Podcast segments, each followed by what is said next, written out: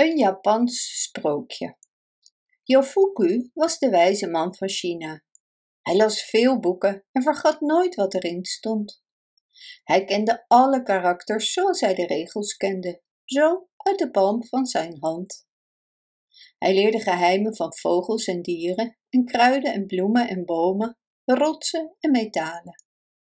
Hij kende magie, poëzie en filosofie en in de loop van de jaren kreeg hij steeds meer wijsheid. Alle mensen eerden hem, maar hij was niet gelukkig, want er was een woord op zijn hart geschreven.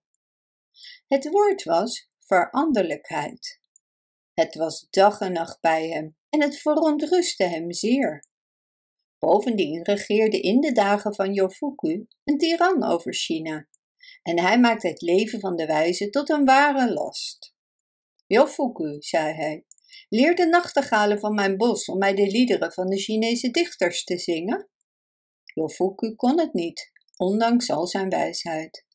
Helaas, leenheer, zei hij, vraag me nog iets en ik zal het je geven, ook al zal me het bloed van mijn hart kosten.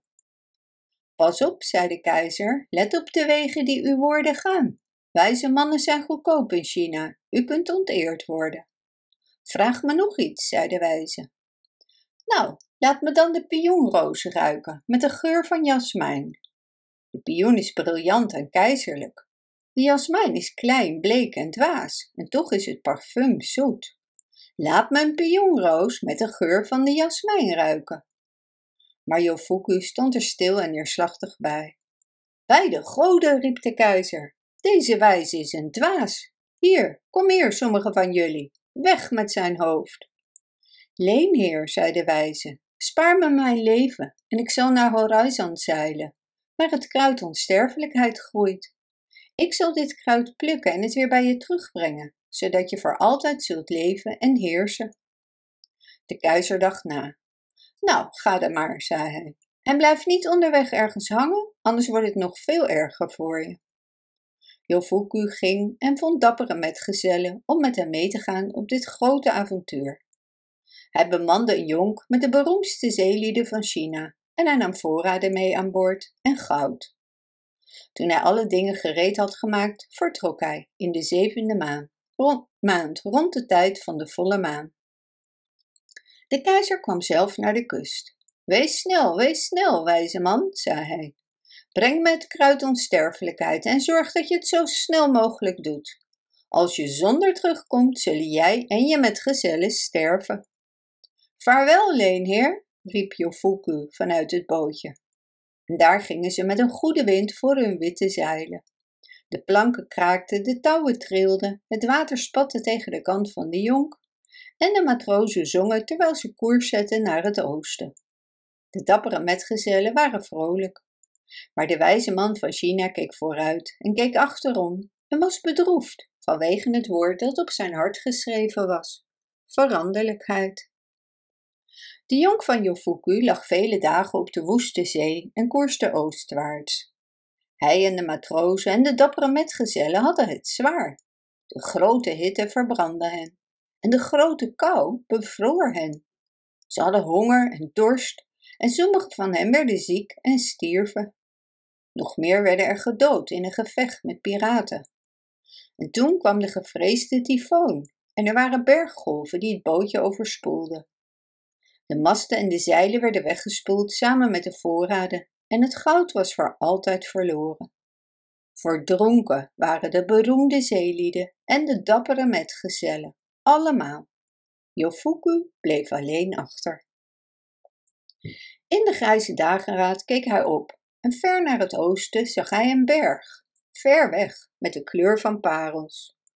Op de bergtop groeide een boom, hoog, met wijd verspreide takken. De wijze man mompelde. Het eiland Horizon ligt ten oosten van het oosten. Daar is Fusan, de wonderberg. Op de hoogte van Fusan groeit een boom, waarvan de takken de mysteries van het leven verbergen. Yofuku lag zwak en vermoeid op de bodem van de boot en kon geen vinger optillen. Niettemin gleed de jonk steeds dichter naar de kust. Het water van de zee was stil en blauw en Jofuku zag het heldere groene gras en de veelkleurige bloemen van het eiland.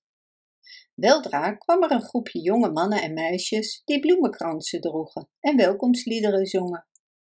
Ze waadden het water in en trokken het houten bootje naar het land.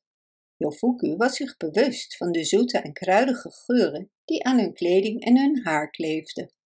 Op hun uitnodiging liet hij het bootje achter, dat wegdreef en niet meer werd gezien.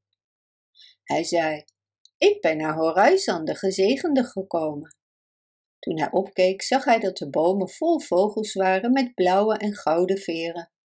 De vogels vulden de lucht met heerlijke melodieën.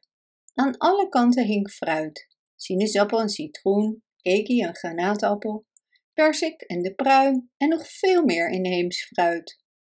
De grond aan zijn voeten was als een rijk brokaat, geborduurd met elke bloem die je maar bedenken kunt. De gelukkige bewoners van Horizon namen hem bij de hand en spraken hem liefdevol toe. Wat is het vreemd, zei Jofuku. Ik voel mijn ouderdom niet meer. Wat is ouderdom? zeiden ze.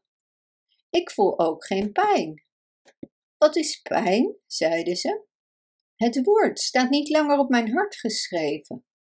Over welk woord spreek je, geliefde man? Veranderlijkheid is het woord. En wat kan de betekenis ervan zijn? Vertel me, zei de wijze man, is dit de dood? Wij hebben nog nooit van de dood gehoord, zeiden de inwoners van Horizon. De wijze man van Japan was Wasobiobe. Hij was net zo wijs als de wijze man van China. Hij was niet oud, maar jong. De mensen eerden hem en hielden van hem. En vaak was hij wel gelukkig. Het was zijn genoegen om alleen in een broze boot de zee op te gaan, om daar te mediteren in de wilde en waterige woestenij. En toen hij dit eenmaal deed, viel hij bij toeval in slaap in zijn boot. En hij sliep de hele nacht, terwijl zijn boot naar het oosten afdreef. Dus toen hij wakker werd in het heldere ochtendlicht, bevond hij zich onder de schaduw van Fusan, de Wonderberg. Zijn boot lag in het water van een rivier van Horizon en hij stuurde haar tussen de bloeiende irissen en de lotussen door naar de kant en sprong aan wal. De meest liefdevolle plek ter wereld, zei hij. Ik denk dat ik naar Horizon de gezegende ben gekomen. Weldra kwamen de jongens en meisjes van het eiland en met hen de wijze man van China, even jong en gelukkig als zij. Welkom, welkom, beste broeder, riepen ze. Welkom op het eiland van de eeuwige jeugd. Toen ze hem te eten hadden gegeven van de heerlijke vruchten van het eiland, legden ze zich neer op een bloemenbank om naar zoete muziek te luisteren. Daarna dwaalden ze door de bossen. Ze reden en jaagden of baden in het warme zeewater. Ze vierden feest en genoten van elk denkbaar heerlijk genoegen. Dus de lange dag duurde voort en er was geen nacht, want er was geen behoefte aan slaap. Er bestond geen vermoeidheid en geen pijn. De wijze man van Japan kwam naar de wijze man van China. Hij zei: Ik kan mijn boot niet vinden. Wat maakt het uit, broeder, zei Yofuku. Je wilt hier geen boot. Maar mijn broeder, ik wil dat wel. Ik wil dat mijn boot me naar huis brengt. Ik ben ziek van de heimwee naar huis. Dat is de waarheid. Ben je niet gelukkig in Horizon? Nee, want er is een woord op mijn hart geschreven. Het woord is de mensheid. Daardoor ben ik verontrust en heb ik geen vrede. Vreemd, zei de wijze man van China. Ook ik kreeg een keer een woord op mijn hart geschreven. Het woord was veranderlijkheid. Maar ik ben vergeten wat het betekent.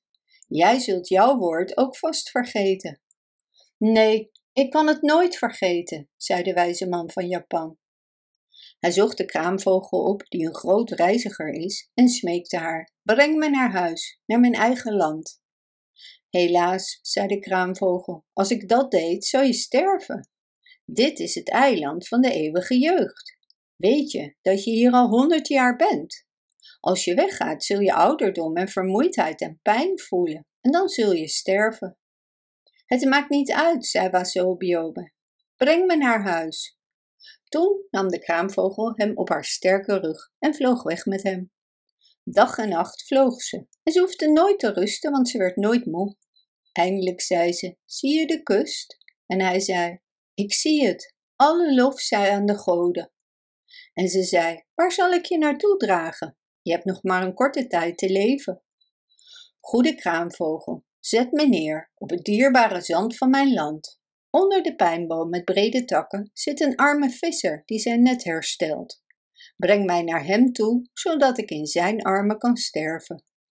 Dus legde de kraamvogel Wasobiobe aan de voeten van de arme visser.